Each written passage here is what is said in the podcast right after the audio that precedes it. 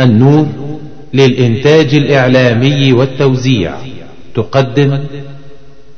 أعوذ بالله السميع العليم من الشيطان الرجيم. بسم الله الرحمن الرحيم. إن الحمد لله نحمده ونستعينه ونستغفره ونستهديه.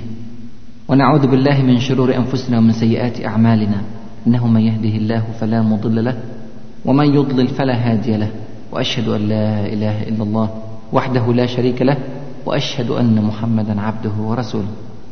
أما بعد فأهلا ومرحبا بكم في هذا اللقاء الطيب المبارك وأسأل الله عز وجل أن يجعل هذا اللقاء في ميزان حسناتنا أجمعين.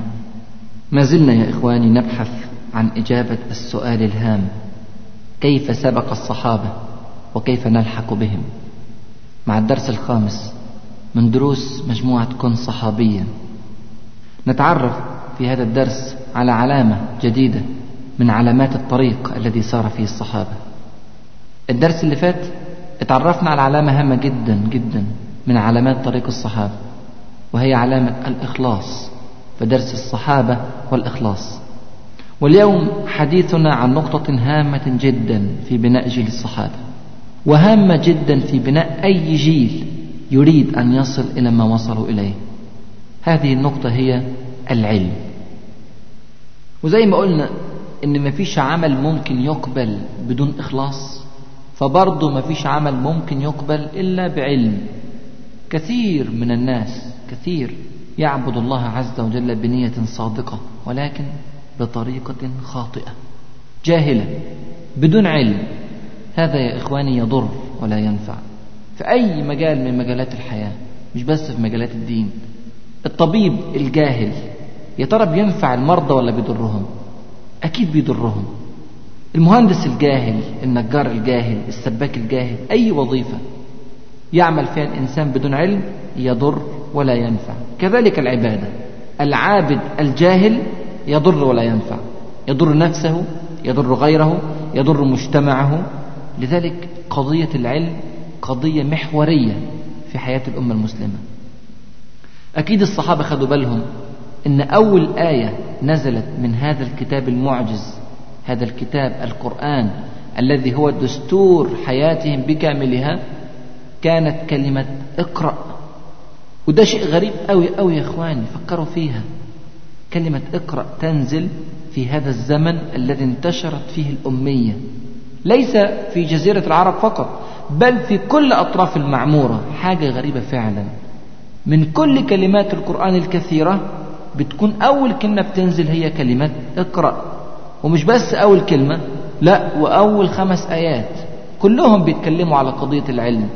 اقرأ باسم ربك الذي خلق. خلق الإنسان من علق. اقرأ وربك الأكرم الذي علم بالقلم. علم الإنسان ما لم يعلم. القضية الأساسية اللي مبني عليها الدين ده كله هي قضية العلم هي مسألة العلم. كان هذا يا إخواني ويا أخواتي كان هذا النزول لكلمة اقرأ إيذانا وإيضاحا وتبيينا لطبيعة هذا الدين. هذا الدين لا يقوم على الخرافات والضلالات لا يقوم على الجهل والتخبط. هذا الدين يقوم على أسس علمية ثابتة ومعروفة. هذا الدين يشجع أبناءه على أن يكونوا علماء سابقين. مش بس مجرد العلم يا إخواني ولكن السبق في العلم الريادة في العلم التفوق في العلم. شوفوا يا إخواني الفرق بين الدنيا بعلم والدنيا بغير علم. لاحظوا كده الحديث بألفاظه الغريبة على آذاننا ولكن هو معنى دقيق جدا جدا بيلفت إليه الأنظار رسول الله صلى الله عليه وسلم. روى الترمذي وقال حسن وكذلك روى ابن ماجه وغيرهم. عن أبي هريرة رضي الله عنه وأرضاه قال سمعت رسول الله صلى الله عليه وسلم يقول ألا إن الدنيا ملعونة؟ يا نهار أبيض كلمة شديدة جدا. ألا إن الدنيا ملعونة؟ ملعون ما فيها. أي شيء في الدنيا ملعون؟ سبحان الله. أي شيء. هكذا على إطلاقها. الدنيا كل الدنيا كل ما فيها ملعون. من الذي يلعن يا إخواني هذا رسول الله صلى الله عليه وسلم وهو لا ينطق عن الهوى. هذا وحي من الله عز وجل. كل شيء في الدنيا ملعون ملوش قيمة تافه حقير حتى لو كان ملك حتى لو كان سلطان لو كان سلاح لو كان قوة أي شيء إلا أربعة أشياء. أربع حاجات بس. استثناهم الرسول صلى الله عليه وسلم من هذه اللعنة. إيه هم؟ إلا أول واحدة إلا ذكر الله تعالى. ذكر الله تعالى.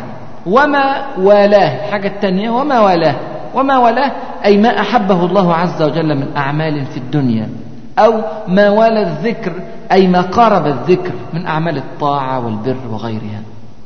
فأعمال الطاعة المحببة إلى الله عز وجل هذه أيضا خارجة من اللعنة يبقى إلا ذكر الله وما والاه وإيه كمان؟ الحاجة الثالثة والرابعة. وعالما ومتعلما. الله. وعالما ومتعلما. دولت فيهم استثناء من اللعنة. يبقى إذن العملية التعليمية ديت اللي بتدور بين العالم والمتعلم هذه عملية عظيمة جدا جدا في ميزان الله عز وجل. ويبقى اللي خارج بره نطاق هذه العملية شيء خطير جدا شيء ملعون في نص حديث رسول الله صلى الله عليه وسلم. لذلك إخواني فقه الصحابة أن القيمة الحقيقية التي تصلح للمفاضلة بين الناس هي العلم. التفاضل بين الناس لا يكون بمال ولا سلطان ولا جند ولا سطوة ولا مظهر. المهم أنت تعلم قد إيه. قضية العلم. واحد ممكن يقول بس ربنا سبحانه وتعالى بيقول إن أكرمكم عند الله أتقاكم. يعني الأتقى هو الأفضل. أقول له طب وهو مين اللي بيتقي الله عز وجل؟ أليس العالم به؟ أليس العالم بصفاته سبحانه وتعالى؟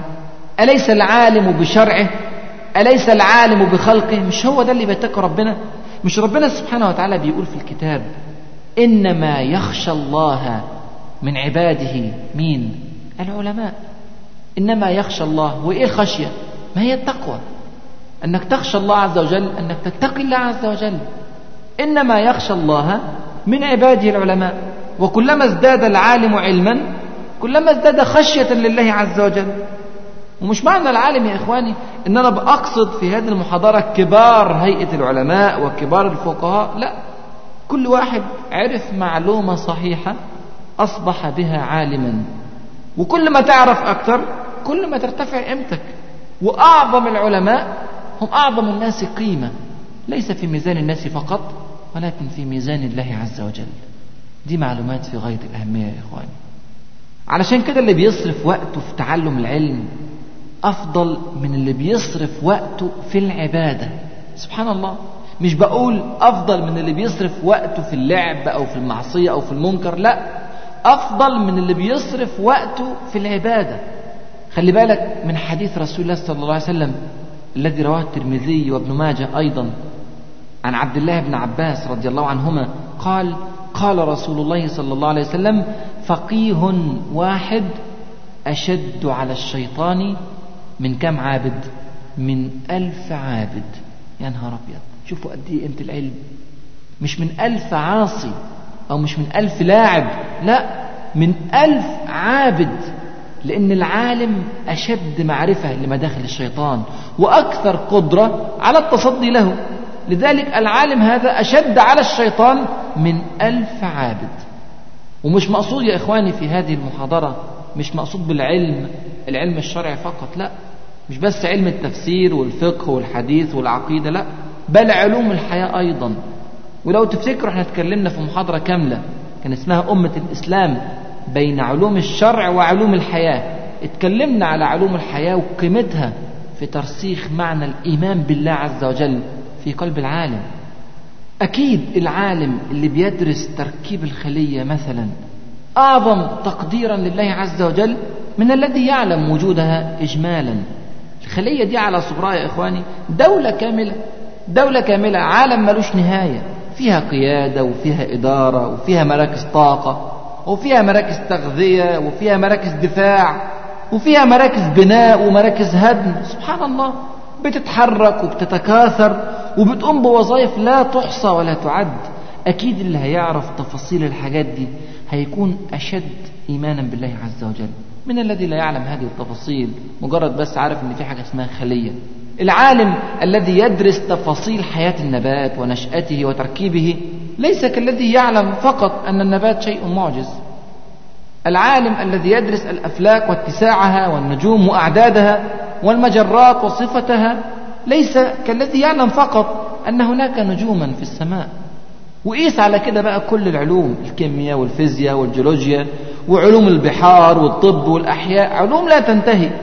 وصدق الله عز وجل القائل وما أوتيتم من العلم إلا قليلا. كل هذه العلوم علوم الشرع وعلوم الحياة تقود إلى خشية الله عز وجل. ومن ثم تقود إلى تقواه. ومن ثم تقود إلى رضا الله عز وجل. وهو ده اللي إحنا بندور عليه. وهو ده طريق الصحابة. هذه الحقائق يا إخواني كانت واضحة كالشمس في عيون الصحابة. رفعوا جدا جدا جدا. بعد أن علموا هذه المعلومات رفعوا جدا من قدر كل عالم.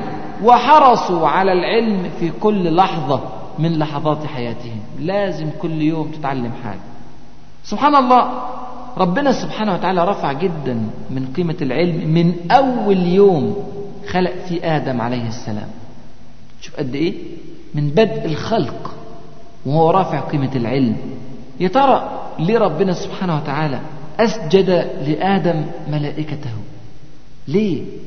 بماذا يتميز هذا الخلق الجديد آدم على الملائكة؟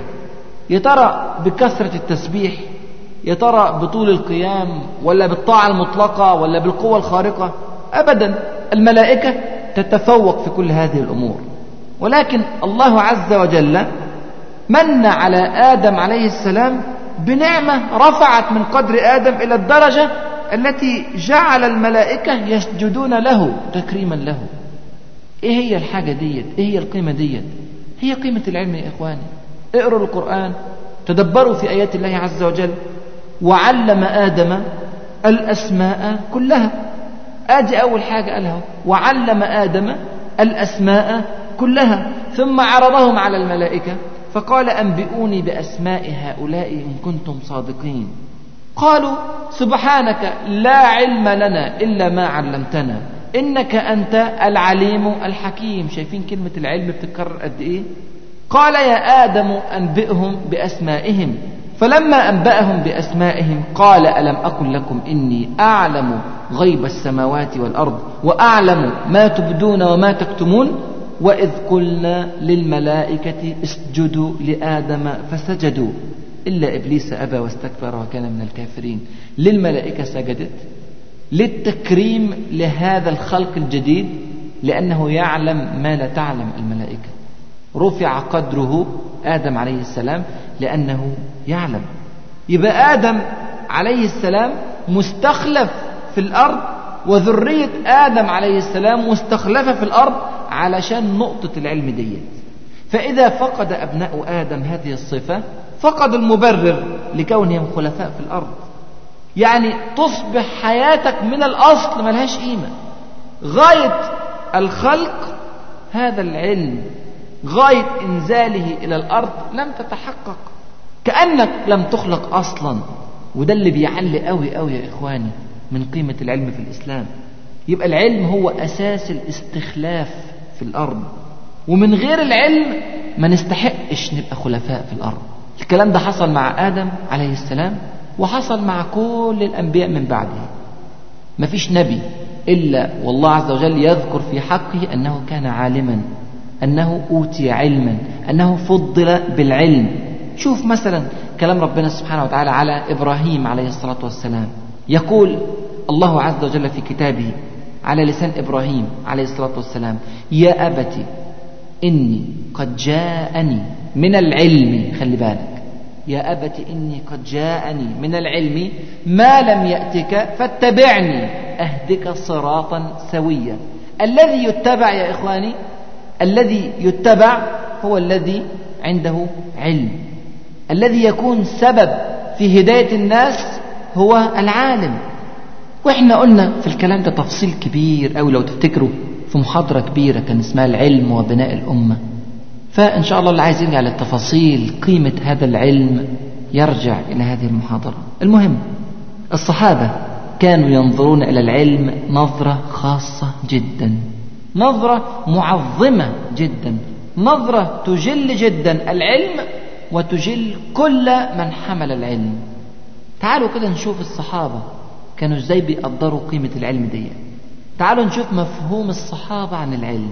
أنا عارف إن حكيت لكم حكاية زيد بن ثابت رضي الله عنه وأرضاه أكثر من مرة لكن الحقيقة قصته قصة مؤثرة جدا وأنا بحب أحطها دايما قدام عينيا. تعالوا نشوف عمل إيه زيد بن ثابت رضي الله عنه وأرضاه وإيه قصته مع العلم وبدأت إزاي القصة ديت. زيد بن ثابت رضي الله عنه وأرضاه. ذهب وهو لم يتم الثالثة عشرة من عمره إلى الالتحاق بجيش المسلمين المشارك في بدر. ولكن سبحان الله الرسول صلى الله عليه وسلم رده لصغر سنه. لسه ما بلغش في هذا الوقت. فرجع إلى أمه رضي الله عنه وأرضاه يبكي من الحزن. لكنه أول ما رجع فكر في خدمة الإسلام بطريقة تانية. يا ترى أنا ممكن أخدم الإسلام بطريقة غير طريقة الجهاد في سبيل الله بدل الجهاد مش ميسر إلي في هذا الوقت؟ الواحد مننا ساعات يا إخواني بيفشل في أحد مجالات الدعوة أو أحد مجالات العمل للإسلام أو بيغلق عليه باب من أبواب العمل في الإسلام من غير إرادته. يعني مثلا عايز يجاهد ومفيش فرصة للجهاد عايز ينفق وهو فقير معهوش إنفاق. في عنده رغبة في العمل لله عز وجل لكن ما عندوش إمكانيات. ساعات الواحد بيحبط. ساعات بيعتقد إن ده آخر الدنيا. ابدا يا إخواني إحنا إمكانيات مختلفة مواهب مختلفة. كل واحد مننا يقدر يسد في مجال وهي دي حلاوة الإسلام. وهي دي حلاوة التكامل والتكافل والتعاون في الإسلام. إن ما كانش زيد ينفع دلوقتي في الجهاد أهو ممكن ينفع في حاجة تانية.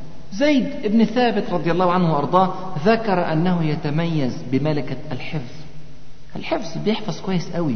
وملكة القدرة على التعلم وملكة القراءة. والقراءة طبعا ده كان شيء نادر في ذلك الزمن. أخبر بذلك أمه وأقاربه وطلب منهم أن يذهبوا به إلى رسول الله صلى الله عليه وسلم. يعرضون عليه أن يوظف طاقته العلمية في خدمة رسول الله صلى الله عليه وسلم وفي خدمة دين الإسلام. ذهبت أمه أم النوار بنت مالك رضي الله عنها وأرضاها ذهبت به إلى رسول الله صلى الله عليه وسلم وقالت وخلي بالك من العرض بتاعها بتعرض إمكانيات ابنها العظيمة جدا. تقول يا نبي الله هذا ابننا زيد بن ثابت يحفظ سبع عشرة سورة من كتاب الله ويتلوها صحيحة كما أنزلت على قلبك وهو فوق ذلك حاذق. ذكي. وهو فوق ذلك حاذق يجيد الكتابة والقراءة. ودي فعلا يا إخواني إمكانيات عالية قوي وبالذات في هذا الزمن اللي ما فيهوش كتير بيعرفوا يقروا ولا يكتبوا. إحنا بنتكلم في وقت غزوة بدر وتكمل السيدة النوار بنت مالك وتقول وهو يريد زيد وهو يريد أن يتقرب بذلك إليك وأن يلزمك فاسمع منه إذا شئت. والكلام ده يا إخواني أنا بحب أقوله لكل شباب المسلمين. زيد بن ثابت رضي الله عنه وأرضاه بدأ رحلته في خدمة الإسلام وهو عنده 13 سنة. بعض المسلمين كان بيسد ثغرة الجهاد والقتال وزيد بن ثابت رايح يسد ثغرة تانية مهمة جدا جدا. كل واحد حسب إمكانياته. الشباب طاقتهم عالية جدا جدا. في شباب عنده مهارة في الكمبيوتر. في شباب عنده مهارة في الخطابة في شباب عنده مهارة في الرياضة المفيدة في شباب عنده مهارة في الكتابة والبحث والدراسة في شباب عنده مهارة في الترجمة كل واحد أكيد عنده مجال متفوق فيه. المهم تكون رغبة خدمة الإسلام موجودة وهتلاقي المجال اللي تعرف تسد فيه إن شاء الله. تعالوا نرجع لزيد بن ثابت. استمع له رسول الله صلى الله عليه وسلم واختبره وقدر مواهبه وأعجب به. ثم أراد أن يستفيد منه على نطاق أوسع فعرض عليه فرعا جديدا من فروع العلم. وخلي بالك الرسول صلى الله عليه وسلم ما قالوش اتعلم فقه اتعلم حديث اتعلم عقيدة لا. قال له اتعلم اللغات الأجنبية. يا سبحان الله. تخيل في هذا العمق في التاريخ رسول الله صلى الله عليه وسلم مهتم باللغات الأجنبية في تكوين الأمة المسلمة. علم في غاية الأهمية. قال له اتعلم لي اللغة العبرية. طبعا مش على حساب اللغة العربية ولكن المسلمون يحتاجون جدا إلى هذه اللغة في ذلك الزمن. قال له تعلم لي اللغة العبرية. قال له يا زيد تعلم لي كتابة اليهود العبرية فإني لا آمنهم على ما أقول. وأكيد يا إخواني والله لو كان الرسول صلى الله عليه وسلم عايش معانا في الأيام ديت كان أمر بتعلم اللغة الإنجليزية والفرنسية والألمانية والصينية وغيرها. قد إيه مفيد أن يكون عند المسلمين شباب بيتقنوا اللغات الأخرى غير اللغة العربية؟ وطبعا زي ما قلنا مش على حساب اللغة العربية. قد إيه ممكن يفيدوا الإسلام ويخدموا الأمة الإسلامية بكاملها؟ قد إيه ممكن يكشفوا حيل وألاعيب وخطط؟ قد إيه ممكن يعملوا دعوة إلى الله عز وجل؟ قد إيه ممكن يردوا على شبهات؟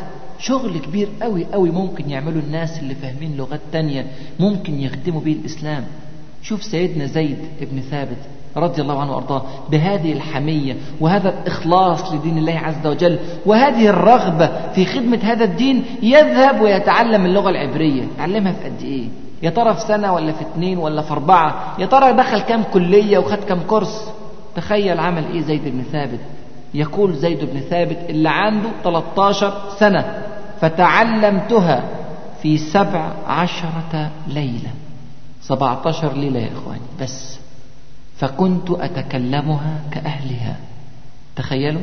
زيد بن ثابت شوفوا البركة قد إيه. شوف واحد عنده الرغبة ربنا بيساعده سبحانه وتعالى. المهم يكون بيتعلم ده علشان يخدم دين ربنا سبحانه وتعالى علشان يثبت أقدام الدولة الإسلامية في الأرض. ده كان زيد بن ثابت. ثم تعلم اللغة السريانية. في وقت يسير كذلك. وصار بذلك ترجمان رسول الله صلى الله عليه وسلم. يعني مترجم الدولة الإسلامية. في زمان رسول الله صلى الله عليه وسلم كان عنده 13 سنة. في أولى إعدادي يعني. وبدأ زيد سبحان الله يترقى في مناصب العلم. بدأ في التخصص بتاعه يبرع وينبغ رضي الله عنه وأرضاه. صار كاتبا للوحي لرسول الله صلى الله عليه وسلم. مش بس مترجم لا ما هو بيعرف بيقرأ ويكتب عربي كويس. فبدأ يكتب لرسول الله صلى الله عليه وسلم الوحي. ثم صار حافظا لكتاب الله عز وجل. ودي كانت حاجة نادرة في الصحابة يا إخواني إن واحد يكون حافظ كل الكتاب في زمان رسول الله صلى الله عليه وسلم. آه في صحابة كتير حفظوا الكتاب بعد وفاة الرسول صلى الله عليه وسلم لكن ما كانش ناس كتير حفظاه والرسول صلى الله عليه وسلم عايش. زيد بن ثابت كان من هؤلاء القلة حفظ القرآن كاملا في حياة رسول الله صلى الله عليه وسلم. ولما الرسول صلى الله عليه وسلم مات كلفه أبو بكر الصديق رضي الله عنه وأرضاه بجمع القرآن بعد وفاة كثير من الحفاظ في موقعة اليمامة المشهورة جمع القرآن يا إخواني وهو لم يبلغ من العمر بعد الثالثة والعشرين. سبحان الله. شوفوا قد إيه المهمة ديت صعبة مهمة من أعظم المهمات. مهمة من أخطر المهمات إنه يجمع القرآن الكريم علشان يفضل مجموع ومحفوظ إلى يوم القيامة. مين اللي قام بهذه المهمة؟ هذه المهمة أوكلت إلى الشاب الصغير زيد بن ثابت 23 سنة في وجود عمالقة الصحابة في وجود أبي بكر وعمر وعثمان وعلي وطلحة والزبير وسعد وغيرهم في وجود كل هؤلاء. ليه؟ ليه يا أخواني؟ ده كله العلم. العلم يا إخوة أخوات هو الذي رفع من قدر زيد بن ثابت رضي الله عنه وأرضاه. العلم يرفع أقواما ويضع آخرين. العلم ميراث الأنبياء. من أخذه أخذه بحظ وافر. شوف سيدنا عمر بن الخطاب بيقول في حق زيد بن ثابت رضي الله عنه وأرضاه. يقول من أراد أن يسأل عن القرآن فليأتي زيد بن ثابت. شوفوا سبحان الله قد إيه التعظيم والتبجيل. شوف سيدنا عمر اللي بيتكلم. سيدنا عمر شيخ من شيوخ الصحابة عملاق من عمالقة الصحابة. بيقول اللي عايز يعرف حاجة عن القرآن يروح للشاب ده يروح لزيد بن ثابت. سبحان الله. عبد الله ابن عباس رضي الله عنهما حبر الأمة. وكانوا كمان بيطلقوا عليه لفظ جميل قوي عميق قوي. بيقولوا عليه إيه؟ البحر. عبد الله بن عباس البحر. لسعة علمه يعني هو الحبر وهو البحر رضي الله عنه ورضي الله عن أبيه. عبد الله بن عباس رأى مرة زيد بن ثابت رضي الله عنه وأرضاه وهو يهم بركوب دبته. هيركب الحصان بتاعه أو الدبة بتاعته. فوقف بين يديه وأمسك له بركابه وأخذ بزمام دبته.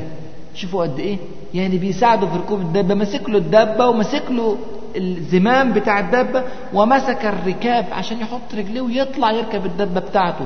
قد إيه الاحترام والتعظيم والتبجيل لزيد بن ثابت رضي الله عنه وأرضاه مع إن الفرق بينه وبين زيد بن ثابت مش كبير 8 سنوات فقط. فرق العمر بين عبد الله بن عباس وزيد بن ثابت زيد بن ثابت أكبر من عبد الله بن عباس بثمان سنوات فقط. يقول له زيد بن ثابت حياء منه يقول له دع عنك يا ابن عم رسول الله صلى الله عليه وسلم. انت مقامك كبير قوي عندنا. دع عنك يا ابن عم رسول الله صلى الله عليه وسلم. فيقول عبد الله بن عباس بفهم عميق شو بيقول إيه؟ قال هكذا أمرنا أن نفعل بعلمائنا.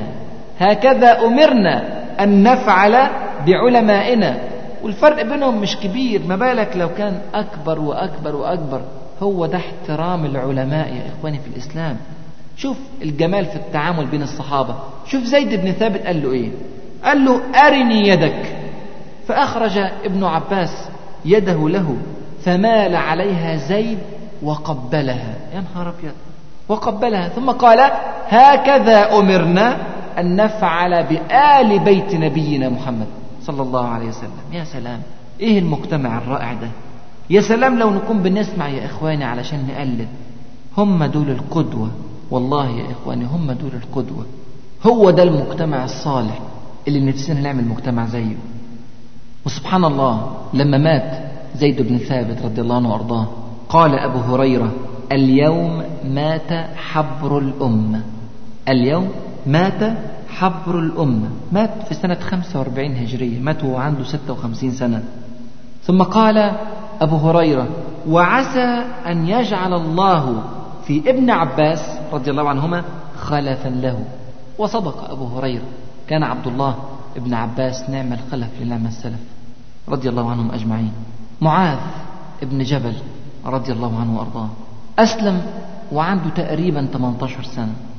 وشهد العقبة. وشهد كل المشاهد مع رسول الله صلى الله عليه وسلم كل الغزوات. بدر أحد الأحزاب فتح مكة تبوك كل الغزوات. وخرج في الفتوحات الإسلامية في الشام أيام أبي بكر وعمر رضي الله عنهما. وكان في وقت أمير الشام. وسبحان الله مع كل هذه الحياة الجهادية إلا أنه كان متفوقا جدا جدا في مجال العلم. سبحان الله من يوم ما أسلم وهو مهتم بقضية العلم. ولو تفتكروا الرسول صلى الله عليه وسلم بعتوا اليمن علشان يعلم أهل اليمن كلهم يعلمهم الإسلام بعيد عن رسول الله صلى الله عليه وسلم لكنه ما شاء الله كان يعتمد عليه وكان موسوعة علمية متحركة. معاذ ابن جبل سبحان الله رجع من اليمن بعد وفاة الرسول صلى الله عليه وسلم وبعدين خرج للشام. وزي ما تعود معاذ بن جبل جنب الجهاد تحصيل العلم وتعليم العلم للناس. شوفوا أبو إدريس الخولاني رحمه الله ده من التابعين يقول في حق معاذ بن جبل شوفوا بيوصف بيقول إيه يقول أتيت مسجد دمشق أيام ما كان معاذ بن جبل رضي الله عنه في فتوحات الشام يقول أتيت مسجد دمشق فإذا حلقة فيها كهول من أصحاب محمد صلى الله عليه وسلم. يعني هذا اللقاء في هذا المسجد يحضره كبار صحابة رسول الله صلى الله عليه وسلم.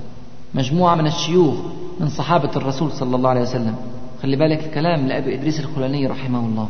وإذا شاب فيهم أكحل العين براق الثنايا. كلما اختلفوا في شيء ردوه إلى الفتى. سبحان الله.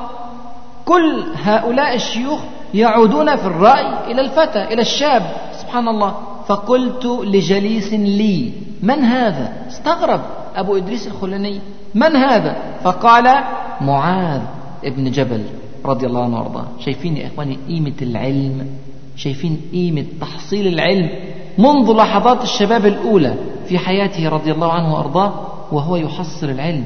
عشان كده وصل وعلشان كده سبق وعلشان كده الناس كانت رفعاه فوق راسها رضي الله عنه وأرضاه. كذلك يروي يزيد ابن قطيب رحمه الله برضه من التابعين يقول دخلت مسجد حمص فإذا أنا بفتى جعد الشعر اللي هو معاذ بن جبل وقد اجتمع حوله الناس. فإذا تكلم خلي بالك من وصف يزيد رحمه الله يقول فإذا تكلم كأنما يخرج من فيه نور ولؤلؤ. الله! كأنما يخرج من فيه نور ولؤلؤ. فقلت من هذا؟ فقالوا معاذ بن جبل رضي الله عنه. موسوعة علمية فعلا يا إخوان. لدرجة أن الرسول صلى الله عليه وسلم ألف حقه كلمة عجيبة جدا جدا جدا. قال أعلم أمتي بالحلال والحرام معاذ بن جبل. يا خبر أبيض. أعلم أمة رسول الله صلى الله عليه وسلم بالحلال والحرام. معاذ بن جبل يعني عالم أسطورة يا إخواني. هو مش بيتقارن بطلبة في معهد إسلامي أو في كلية شرعية لا. ده هذا يقارن بعمالقة صحابة رسول الله صلى الله عليه وسلم. الرسول بنفسه هو الذي يشهد له بهذه الشهادة أنه أعلم الأمة بالحلال والحرام. سبحان الله. علشان كده يا إخواني أصحاب رسول الله صلى الله عليه وسلم على علو قدرهم وغزارة علمهم كانوا إذا تحدثوا وفيهم معاذ بن جبل نظروا إليه هيبة له وتعظيما لعلمه. ما الذي رفع قدره؟ ما الذي أعز منزلته؟ إنه العلم يا إخواني. وفقه ذلك معاذ رضي الله عنه وأرضاه. فظل إلى آخر لحظات حياته طالبا للعلم. وظل إلى آخر لحظات حياته معلما لغيره رضي الله عنه وأرضاه. قال في آخر لحظات حياته وهو على فراش الموت يا إخواني قال اللهم إنك كنت تعلم أني لم أكن أحب الدنيا وطول البقاء فيها لغرس الأشجار وجري الأنهار. هو فاهم كويس يا إخواني حقيقة الدنيا. أمال إيه اللي كان بيبسطه في الدنيا يا إخواني؟ يقول معاذ بن جبل رضي الله عنه ولكن لظمأ الهواجر. إيه ظمأ الهواجر؟ الصيام في الأيام شديدة الحر. ولكن لظمأ الهواجر ومكابدة الساعات. القيام بالليل يقف كتير يقوم لله عز وجل. والحاجة الثالثة ومزاحمة العلماء بالركب عند حلق الذكر. يا سلام! متعته في الدنيا يا إخواني الصيام والقيام وتحصيل العلم. هو عايش في الدنيا عشان الحاجات دي. وسبحان الله مات وعنده كم سنة يا إخوة يا أخوات؟ مات عنده سبعة وثلاثين سنة. بس سبعة وثلاثين سنة. مات في سنة 18 في طاعون عمواس في الشام. كل العلم ده وكل الفهم ده وأعلم أمة رسول الله صلى الله عليه وسلم بالحلال والحرام كل ده ومات وعنده سبعة وثلاثين سنة. بس رضي الله عنه وأرضاه. معاذ ابن جبل. عبد الله ابن عباس رضي الله عنهما. حبر الأمة كما ذكرنا منذ قليل. ومن أفضل علماء الإسلام. وسبحان الله وصل إلى هذه الدرجة وهو لم يكن شابا في حياة رسول الله صلى الله عليه وسلم. أمال كان إيه؟ كان طفل. الرسول صلى الله عليه وسلم مات وعبد الله بن عباس عنده 14 سنة بس. سبحان الله. ولكنه لم يحصل هذه المنزلة يا إخواني من فراغ. مش بالساهل. لقد سعى سعيا حثيثا لكي يصبح عالما من علماء الإسلام. يقول عبد الله بن عباس رضي الله عنهما يقول كان إذا بلغني الحديث. خلي بالك هو بيوصف إزاي وصل إلى هذه الدرجة العظيمة من العلم. يقول كان إذا بلغني الحديث. عند رجل من صحابة رسول الله صلى الله عليه وسلم أتيت باب بيته في وقت قيلولته. خلي بالك يروح للصحابي اللي عنده حديث من أحاديث رسول الله صلى الله عليه وسلم وقت القيلولة. ليه؟ عشان يضمن إن هو موجود في البيت. فياخد الصحابي وهو خارج من البيت يسأله عن الحديث. طيب وقت القيلولة الصحابي نايم. هيخرج بعد نص ساعة هيخرج بعد ساعة هيخرج بعد ساعتين. عبد الله بن عباس مش عارف. طب يعمل إيه؟ يصبر قدام الباب. يقول وتوسدت ردائي عند عتبة داره. يا سلام. يحط الرداء بتاعه وينام فوقيه قدام باب بيت الصحابي علشان يعرف منه حديث. فتسفي علي الريح من التراب. ما تسفي؟ تعرفين المدينة بلد صحراوي يجي التراب في وش؟ عبد الله بن عباس رضي الله عنه وارضاه وفي ثيابه وهو قاعد صابر مستني إيه؟ مستني حديث لرسول الله صلى الله عليه وسلم. يقول ولو شئت أن أستأذن عليه لأذن لي. ده ابن عم رسول الله صلى الله عليه وسلم. يعني لو خبط على الصحابي هيفتح له. ومع ذلك هو مش عايز يخبط عليه. ليه؟ يقول وإنما كنت أفعل ذلك لأطيب نفسه. مش عايز يزهقه مني. مش كل يوم أروح أخبط عليه فالراجل يتعب من وجودي لا أنا هستناه لما يخرج وأسأله عن الحديث. فإذا خرج من بيته رآني على هذه الحال. يشوفه مسكين نايم قدام البيت والتراب عليه وهو مستني الحديث. فيقول يا ابن عم رسول الله ما جاء بك؟ الكلام ده مش صحابي ولا اتنين الكلام ده كان بيعمله مع كل الصحابة. يقول يا ابن عم رسول الله ما جاء بك؟ هل أرسلت إلي فآتيك؟ فأقول الكلام لعبد الله بن عباس فأقول أنا أحق بالمجيء إليك. ليه؟ ليه أنا أحق بالمجيء إليك؟ يقول فالعلم يؤتى ولا يأتي. ثم أسأله عن الحديث. يا سلام العلم يؤتى ولا يأتي. لذلك يا إخواني أصبح عبد الله بن عباس رضي الله عنهما حبر هذه الأمة. ليس من فراغ. شايفين؟ يا إخواني ويا أخواتي. اسمعوا الكلام ده للعبرة وللتقليد. شايفين المجهود اللي كان بيبذله علشان يتعلم. ساعات الواحد مننا بيكسل يروح للمكتبة في الأوضة التانية الأوضة اللي جنبيه علشان يطلع حديث لرسول الله صلى الله عليه وسلم. الحديث ده عبد الله بن عباس رضي الله عنه وأرضاه ورضي الله عن أبيه كان ينام في الريح والتراب علشان يوصل لهذا الحديث. ومن غير النومة ديت في الريح والتراب ما كانش عبد الله بن عباس هيبقى عبد الله بن عباس سبحان الله. ويا ريت نكون بنسمع علشان نقلد وعلشان نقتدي وعلشان نمشي في نفس الطريق اللي مشي فيه الصحابة صحابة رسول الله صلى الله عليه وسلم. يبقى ده كان مجهود الصحابة في تحصيل العلم واحترام الصحابة لقيمة العلم. لكن سبحان الله في ناس بتبذل مجهود ضخم في تحصيل العلم وعمرها ما بتوصل لعلم الصحابة. يا ترى ليه؟ لأن الصحابة يا إخواني كانوا بيتعلموا العلم بضوابط معينة بقوانين معينة. كل الجيل حافظ على هذه القوانين. علشان كده كل الجيل اتعلم صح. يا ترى إيه هي الضوابط ديت؟ في ضوابط كتير جدا جدا هامة جدا جدا حرص عليها الصحابة في تحصيل العلم. نوجز في هذه المحاضرة بعضا منها عشان ما نطولش عليكم. وإن شاء الله نبقى نعمل محاضرة خاصة بهذه الضوابط. وهيكون اسمها إن شاء الله كيف نصبح علماء. لكن النهاردة بإذن الله هنقول خمس ضوابط بس. خمس ضوابط بإيجاز شديد لطريقة الصحابة في تحصيل العلم.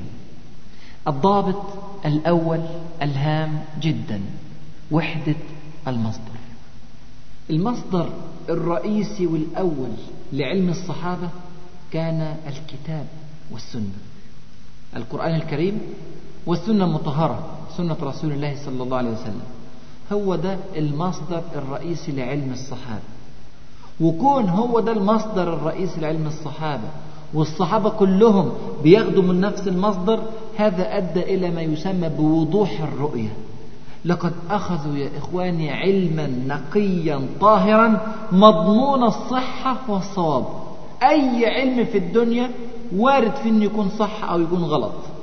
بالتجربة بنقول يطلع صح يطلع غلط ونحاول مرة والتانية والتالتة والعشرة. إنما العلم اللي جه من القرآن الكريم أو من سنة رسول الله صلى الله عليه وسلم علم صحيح مئة بالمئة. هو ده المقياس اللي ممكن نقيس عليه أي شيء تاني. ليس هناك في كلام الله عز وجل ولا في كلام رسول الله صلى الله عليه وسلم. إن صح عن رسول الله صلى الله عليه وسلم ليس في هذا الكلام أي أخطاء. منهج صحيح تماما بلا ريب. فإذا اعتمد المسلمون عليه فلن يضلوا أبدا. روى الإمام مالك في موطئه عن عمر بن الخطاب رضي الله عنه وأرضاه أن رسول الله صلى الله عليه وسلم قال تركت فيكم أمرين لن تضلوا ما تمسكتم بهما كتاب الله وسنتي. يبقى ده أول ضابط إن الكتاب والسنة يكونوا هم المصدر الرئيسي للعلم سواء في العلوم الشرعية أو غير العلوم الشرعية. سبحان الله إزاي ممكن في علوم الحياة يكون الكتاب والسنة هم الضابط؟ ما في قواعد يا إخواني في أصول القرآن حطها والسنة حطتها وعلماء الطب والهندسة والفلك والجيولوجيا وكل علم لازم يعرفوا الأصول ديت ويفهموا كتاب ربنا وما يخترعوش شيء أو يمشوا في علم أو يفكروا في نظرية تتعارض مع ما جاء في كتاب الله عز وجل. ما ينفعش واحد يطلع يقول الإنسان أصله قرد ويقول إن هو عالم من علماء الأحياء وواحد بيقول الكلام ده وهو عارف إن ربنا سبحانه وتعالى قال في كتابه الكريم أن آدم عليه السلام هو أول الخلق. وأنه خلق آدم ولم يكن قردا قبل ذلك ولم يكن حشرة قبل ذلك كما يدعي علماء التطور. يبقى ده علم بيتعارض مع القرآن والسنة.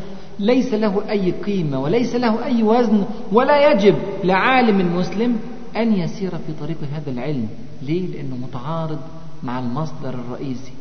لما الصحابة أحيانا أحيانا قليلة خرجوا عن هذا المضمار في الفهم أو عن هذا الضابط اللي هو وحدة المصدر الرسول صلى الله عليه وسلم كان بيغضب غضب شديد.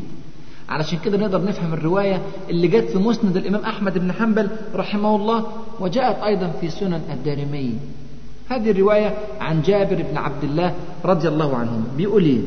بيقول إن رسول الله صلى الله عليه وسلم كان يسمع عمر بن الخطاب رضي الله عنه وهو يقرأ في التوراة.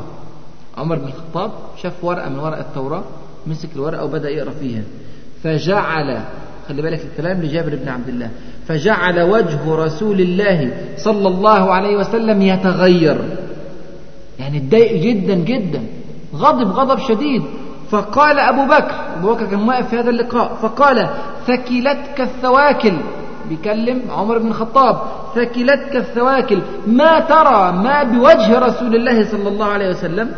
فنظر عمر إلى وجه رسول الله صلى الله عليه وسلم فقال طبعا شافه متضايق جدا فقال أعوذ بالله من غضب الله وغضب رسوله صلى الله عليه وسلم رضينا بالله ربا. خلي بالك فهم على طول. فهم إن رسول الله صلى الله عليه وسلم غضبان علشان بيقرا في مصدر تاني غير القرآن والسنة. قال رضينا بالله ربا وبالإسلام دينا وبمحمد صلى الله عليه وسلم نبيا.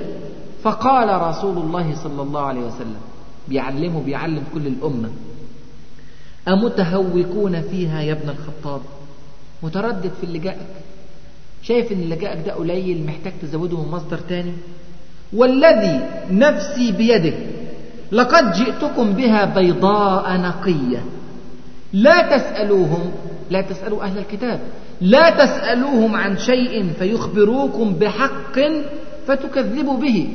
ما جايز يردوا عليكم رد صحيح فيه حق وتقولوا والله أهل الكتاب بيكذبوا فتكذبوا به أو بباطل فتحدثوا به وجايز يضحكوا عليكم ويكذبوا عليكم وأنتم تتكلموا بهذا الكذب والذي نفسي بيده والكلام لرسول الله صلى الله عليه وسلم والذي نفسي بيده لو أن موسى صلى الله عليه وسلم كان حيا ما وسعه إلا أن يتبعني سبحان الله لو كان موسى صلى الله عليه وسلم حيا ما وسعه إلا أن يتبعني. يبقى الصحابة فهموا من الموقف ده ومن غيره إن ما فيش حاجة تتقدم على كتاب الله سبحانه وتعالى ولا على سنة رسول الله صلى الله عليه وسلم وإنهم مش ممكن يتعلموا قانون أو قاعدة أو مفهوم بيتعارض مع هذين المصدرين العظيمين الكتاب والسنة. سبحان الله. عبد الله بن عباس رضي الله عنهما حبر هذه الأمة تعلم هذا الدرس جيدا. قال كما جاء في البخاري شوف الكلام الجميل يقول كيف تسألون أهل الكتاب؟ الكلام لعبد الله بن عباس يا إخوان. كيف تسألون أهل الكتاب عن شيء؟ وكتابكم الذي أنزل على رسول الله صلى الله عليه وسلم أحدث. طب ده الكتاب بتاعكم القرآن نازل متأخر عن التوراة والإنجيل. يعني لو كان في حاجة فيها خير في التوراة والإنجيل كان ربنا سبحانه وتعالى نزلها في كتابكم. لو في أي حاجة محتاجينها كان ربنا حطها لكم في الكتاب بتاعكم. اليوم أكملت لكم دينكم وأتممت عليكم نعمتي ورضيت لكم الإسلام دينا. يقول عبد الله بن عباس كيف تسألون أهل الكتاب؟ عن شيء. وكتابكم الذي أنزل على رسول الله صلى الله عليه وسلم أحدث تقرؤونه محضا لم يشب. يعني لم يخلط. يعني كتاب نقي خالص طاهر. ما هوش مخلوط بكلام الناس زي الكتب السابقة. وقد حدثكم مش بس كده. يقول وقد حدثكم أي حدثكم الله عز وجل أو حدثكم رسول الله صلى الله عليه وسلم. وقد حدثكم أن أهل الكتاب بدلوا كتاب الله وغيروه وكتبوا بأيديهم الكتاب وقالوا هو من عند الله ليشتروا به ثمنا قليلا. ألا ينهاكم الكلام لعبد الله بن عباس. ألا ينهاكم ما جاءكم من العلم عن مسألتهم؟ أنتم مش مكتفيين بالكتاب والسنة؟ ليه بتدوروا هنا وهنا وهنا في المصادر الشرقية والغربية ومصادر الأقدمين والإغريق ومش عارف مين فيلسوف إيه ليه ده كله؟ ما أنت عندكم الكتاب والسنة. ألا ينهاكم ما جاءكم من العلم عن مسألتهم؟ لا والله ما رأينا رجلا منهم يسألكم عن الذي أنزل عليكم. سبحان الله عبد الله بن عباس بيقول ده إحنا ما شفناش أهل الكتاب بيجوا يسألوكم عن الكتاب والسنة وهما المصادر الحقيقية الحقة المحضة. سبحان الله وانتوا تروحوا تسألوهم؟ هذا شيء عجيب. هو ده كان مفهوم عبد الله بن عباس وهو ده كان مفهوم الصحابة جميعا وحدة المصدر الكتاب والسنة. يبقى ده الضابط الأول والكلام فيه تفصيل كتير وإن شاء الله نبقى نجيله في محاضرة كيف نصبح علماء كما ذكرنا. الضابط الثاني ألهام جدا جدا جدا العلم النافع. لازم يكون العلم اللي بتعلمه ده علم نافع. دائما يوصف العلم المرغوب فيه شرعا بكونه نافعا. روى الإمام مسلم عن أبي هريرة رضي الله عنه قال قال رسول الله صلى الله عليه وسلم إذا مات الإنسان انقطع عنه عمله إلا من ثلاثة إلا من صدقة جارية أو علم ينتفع به. خلي بالك. ما قالش أو علم فقط أو علم ينتفع به لازم يكون العلم نافع يا إخواني. أو ولد صالح يدعو له. يعني ما ينفعش الواحد يصرف عمره ووقته وجهده في تعلم علم لا يعود بالفائدة والنفع على أمته وعلى الأرض بصفة عامة. ما ينفعش. مثل الذي ينفق عمره جري وراء تفصيلات لا ينبني عليه عمل في قصص الأنبياء والسابقين مثلا. يا ترى طول سفينة نوح عليه السلام كان قد إيه؟ يا ترى الطوفان قعد كم يوم؟ يا ترى الحيوانات اللي ركبت مين ركب الأول ومين ركب في الآخر؟ يا ترى لما أبيل قتل هابيل أولاد آدم عليه السلام يا ترى قعد كم شهر ولا كم سنة قبل ما يدفنوا سبحان الله تفصيلات لا ينبني عليها أي عمل ملهاش أي معنى. سبحان الله أيضا في علوم الحياة المختلفة. ما ينفعش الواحد يصرف وقته في حاجات ما تنفعش وجايز تضر. زي بعض العلوم الفلسفية وزي صرف الوقت في قراءة القصص والروايات أو كتابة أو قراءة الشعر الإباحي أو غير كده من العلوم اللي الفطرة السليمة ما تقبلش إن الواحد يعيش عمره وحياته علشان يدرسها. وده كمان هيرجعنا لقضية المناهج التعليمية في المدارس والجامعات. لابد إن المنهج يكون معمول علشان فعلا ينفع الطالب ومن ثم ينفع الأمة بعد ذلك. لو حس الطالب إن العلوم اللي بيدرسها مجرد حشو علشان يملى فراغ السنة الدراسية ولا يمكن هيستفيد منه مش ممكن الطالب هيعرف يحصل العلم ده. لو ما كانش عند الطالب النية الصادقة المخلصة إنه بيتعلم علشان ينفع بالعلم ده نفسه وامته برضه مش هيستفيد. يبقى لازم العلم يبقى فعلا علم نافع ولازم أتعلمه بنية إن استغله في بناء الأمة وفي نفع الإنسان في الأرض بصفة عامة. العلم يا إخواني اللي ما فيهوش صفة النفع ديت علم ملوش لازمة. بل على العكس هو شر يجب الاستعاذة منه والحذر من تضييع الوقت في سبيل تحصيله. علشان كده نقدر نفهم الحديث اللطيف الدعاء الجميل اللي الرسول صلى الله عليه وسلم كان بيدعي به والذي رواه الإمام مسلم عن زيد بن أرقم رضي الله عنه وأرضاه. قال كان رسول الله صلى الله عليه وسلم يقول اللهم إني أعوذ بك من علم لا ينفع. يا نهار أبيض. يستعيذ بالله عز وجل أن وقته يضيع في علم لا ينفع. اللهم إني أعوذ بك من علم لا ينفع ومن قلب لا يخشع ومن نفس لا تشبع ومن دعوة لا يستجاب لها. آمين يا رب العالمين. يبقى ده كان الضابط الثاني. إلهام جدا جدا. العلم النافع. الضابط الثالث أن ينقل العلم إلى غيره. يعني العلم ما يقفش لحد المتعلم فقط. لا. لابد أن ينتقل هذا العلم من العالم إلى غيره. يقول معاذ بن جبل رضي الله عنه وأرضاه وتعليمه لمن لا يعلمه صدقة. تعليم العلم لمن لا يعلمه صدقة. العلم النافع يا إخواني مهم علشان خير الأرض كلها. فلو إن كل عالم سواء في العلوم الشرعية أو في علوم الحياة كتم العلم بتاعه ولم ينقله إلى غيره لكانت كارثة على الأرض. ولسارت الأرض لا محالة لا شك في ذلك. لسارت الأرض إلى دمار. علشان كده يا إخواني ما فيش حاجة اسمها عالم دون أن يكون معلما لغيره. العالم الحقيقي هو الذي يقضي حياته بين التعلم والتعليم. خيركم من إيه؟ من تعلم القرآن وعلمه. لازم يتعلم ويعلم. خيركم من تعلم القرآن وعلمه. شوف كلام جابر بن عبد الله رضي الله عنهما من صحابة رسول الله صلى الله عليه وسلم. شوف الفهم اللي عنده. يقول إذا لعن آخر هذه الأمة أولها فمن كان عنده علم فليظهره. يعني لو آخر الأمة الناس المتأخرة في الأمة اللي جم في القرن الثاني والثالث والعاشر والعشرين قعدوا يلعنوا في أوائل هذه الأمة في الصحابة وفي من جاء بعد الصحابة ويشوهوا التاريخ الإسلامي بصفة عامة. من كان عنده علم فليظهره اللي عارف تصحيح هذه المعلومات لابد أن يتكلم لابد أن يعلم غيره. مش يحتفظ بس بهذه المعلومات في نفسه ويعلم أن الصحابة رجال أعاظم وأفاضل ويحتفظ بهذه المعلومة دون أن ينقلها إلى غيره. ده شيء خطير جدا جدا إنك تكتم هذا العلم. شوف جابر ابن عبد الله بيقول إيه بعد هذه الكلمة؟ بيقول كلمة في منتهى الخطورة. بيقول إيه؟ فإن كاتم ذلك العلم ككاتم ما أنزل على محمد صلى الله عليه وسلم. أكنك بالضبط نزلت عليك الرسالة وكتمتها.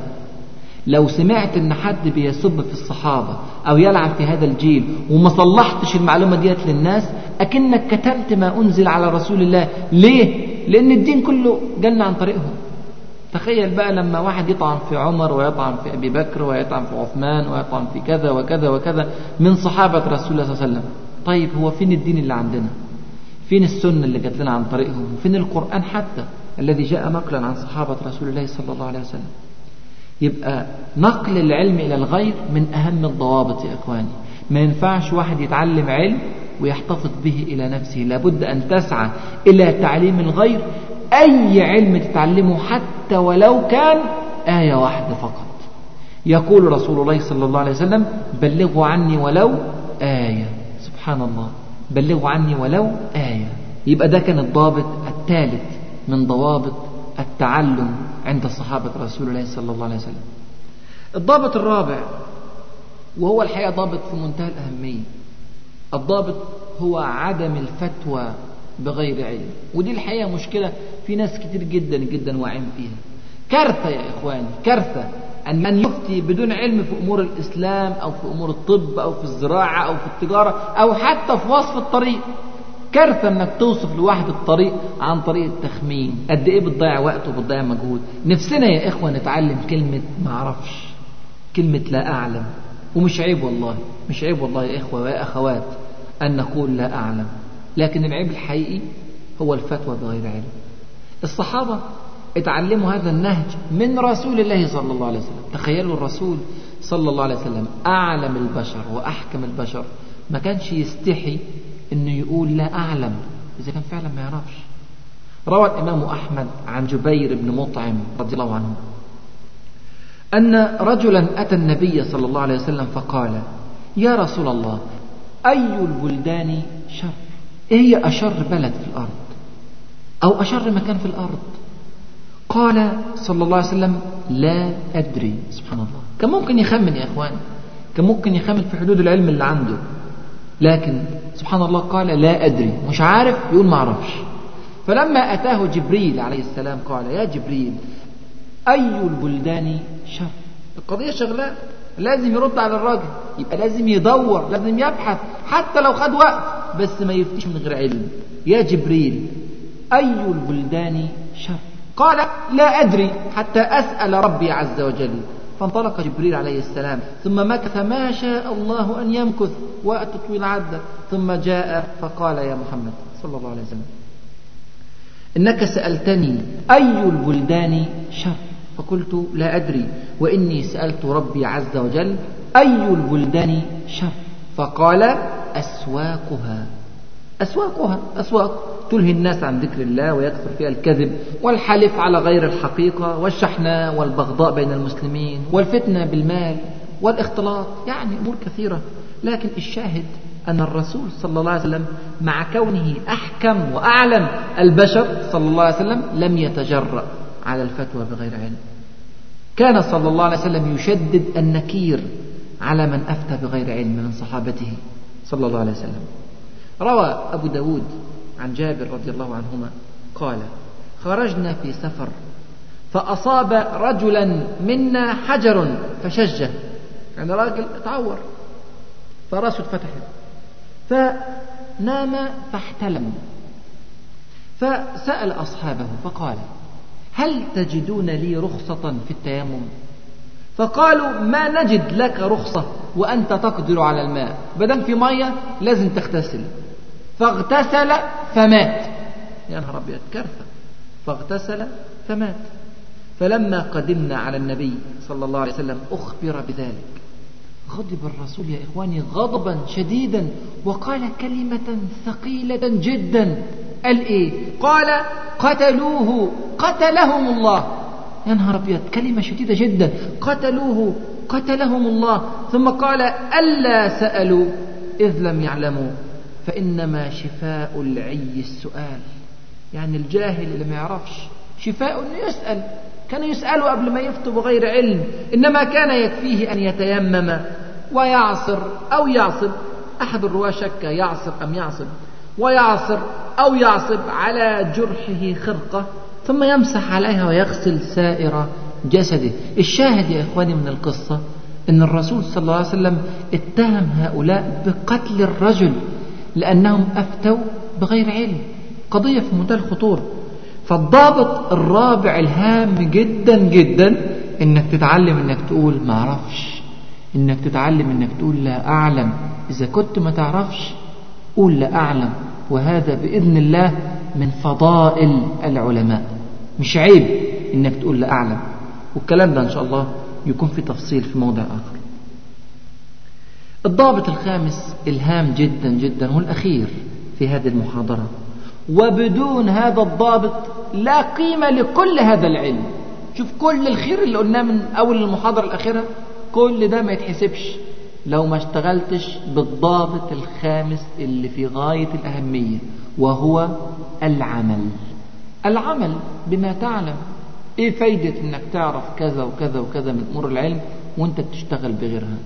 إيه فايدة إن أنت كونت خبرات طويلة جدا وقرأت كتب عظيمة جدا وحضرت دروس علم ومجالس علم وفي الآخر بتشتغل بطريقة تانية غير اللي أنت اتعلمتها؟ فين قيمة العلم؟ اسمعوا إلى كلام علي بن أبي طالب رضي الله عنه وأرضاه والذي رواه الدارمي رحمه الله يقول ده كلام سيدنا علي نفسه مش كلام الرسول صلى الله عليه وسلم. يقول سيدنا علي يا حملة العلم اعملوا به. يا حملة العلم اعملوا به. فإنما العالم من عمل بما علم. سبحان الله شوف قد إيه الفقه. فإنما العالم من عمل بما علم ووافق علمه عمله وسيكون أقوام. هيجي ناس بعد كده يعملوا إيه؟ وسيكون أقوام. يحملون العلم لا يجاوز تراقيهم. يخالف عملهم علمهم. وتخالف سريرتهم علانيتهم يجلسون حلقا فيباهي بعضهم بعضا. هم مش بيتعلموا العلم عشان يشتغلوا بيه لا. هم بيتعلموا العلم عشان الناس تشاور عليهم. علشان يقولوا آه هم دول العلماء. أدا ما شاء الله عارف علم ضخم جدا جدا. وعشان الحلقة بتاعته تكبر وتكبر والناس كلها تقعد تسمع له. عشان كده بس بيتعلم العلم ده مش عالم يا إخوان يقول علي بن أبي طالب رضي الله عنه وأرضاه يكمل كلامه فيقول حتى إن الرجل الراجل من النوعية دي اللي بيتعلم بس عشان المباهاة حتى إن الرجل لا يغضب على جليسه أن يجلس إلى غيره ويدعه. لو راح يتعلم من عالم تاني يزعل. طب زعلان ليه؟ ما هو بيتعلم علم مفيد برضه. لا لازم يكون العلم عن طريقي أنا. هو ده العالم المباهي بعلمه. العالم اللي مش مخلص لربنا سبحانه وتعالى وافتكروا الدرس اللي فات وقيمة الإخلاص وإن أول واحد تسعر به جهنم أو من أول ثلاثة تسعر بهم جهنم الرجل الذي تعلم العلم لغير ذات الله عز وجل لم يتعلموا لوجه الله عز وجل فهذا تسعر به جهنم. أولئك والكلام لسيدنا علي بن أبي طالب أولئك لا تصعد أعمالهم في مجالسهم تلك إلى الله عز وجل. عمله محبط يا إخواني ضاع منه الإخلاص يبقى لازم تشتغل باللي أنت بتعرفه. الموضوع ده في غاية الأهمية. والضابط ده محتاج مننا كلام كتير قوي قوي قوي وإن شاء الله المحاضرة الجاية كلها هتكون على هذا الموضوع. هتكون عن الصحابة والعمل. تكلمنا عن الصحابة والعلم. وإن شاء الله في اللقاء القادم في الدرس القادم نتحدث عن الصحابة والعمل. وأختم هذه المحاضرة بكلمات بليغة عميقة رائعة للعالم الصحابي الجليل معاذ بن جبل رضي الله عنه وأرضاه.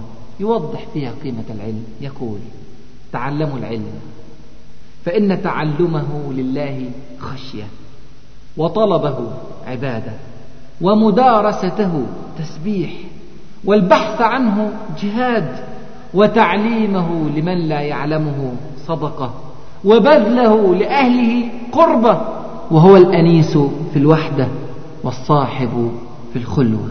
يا سلام.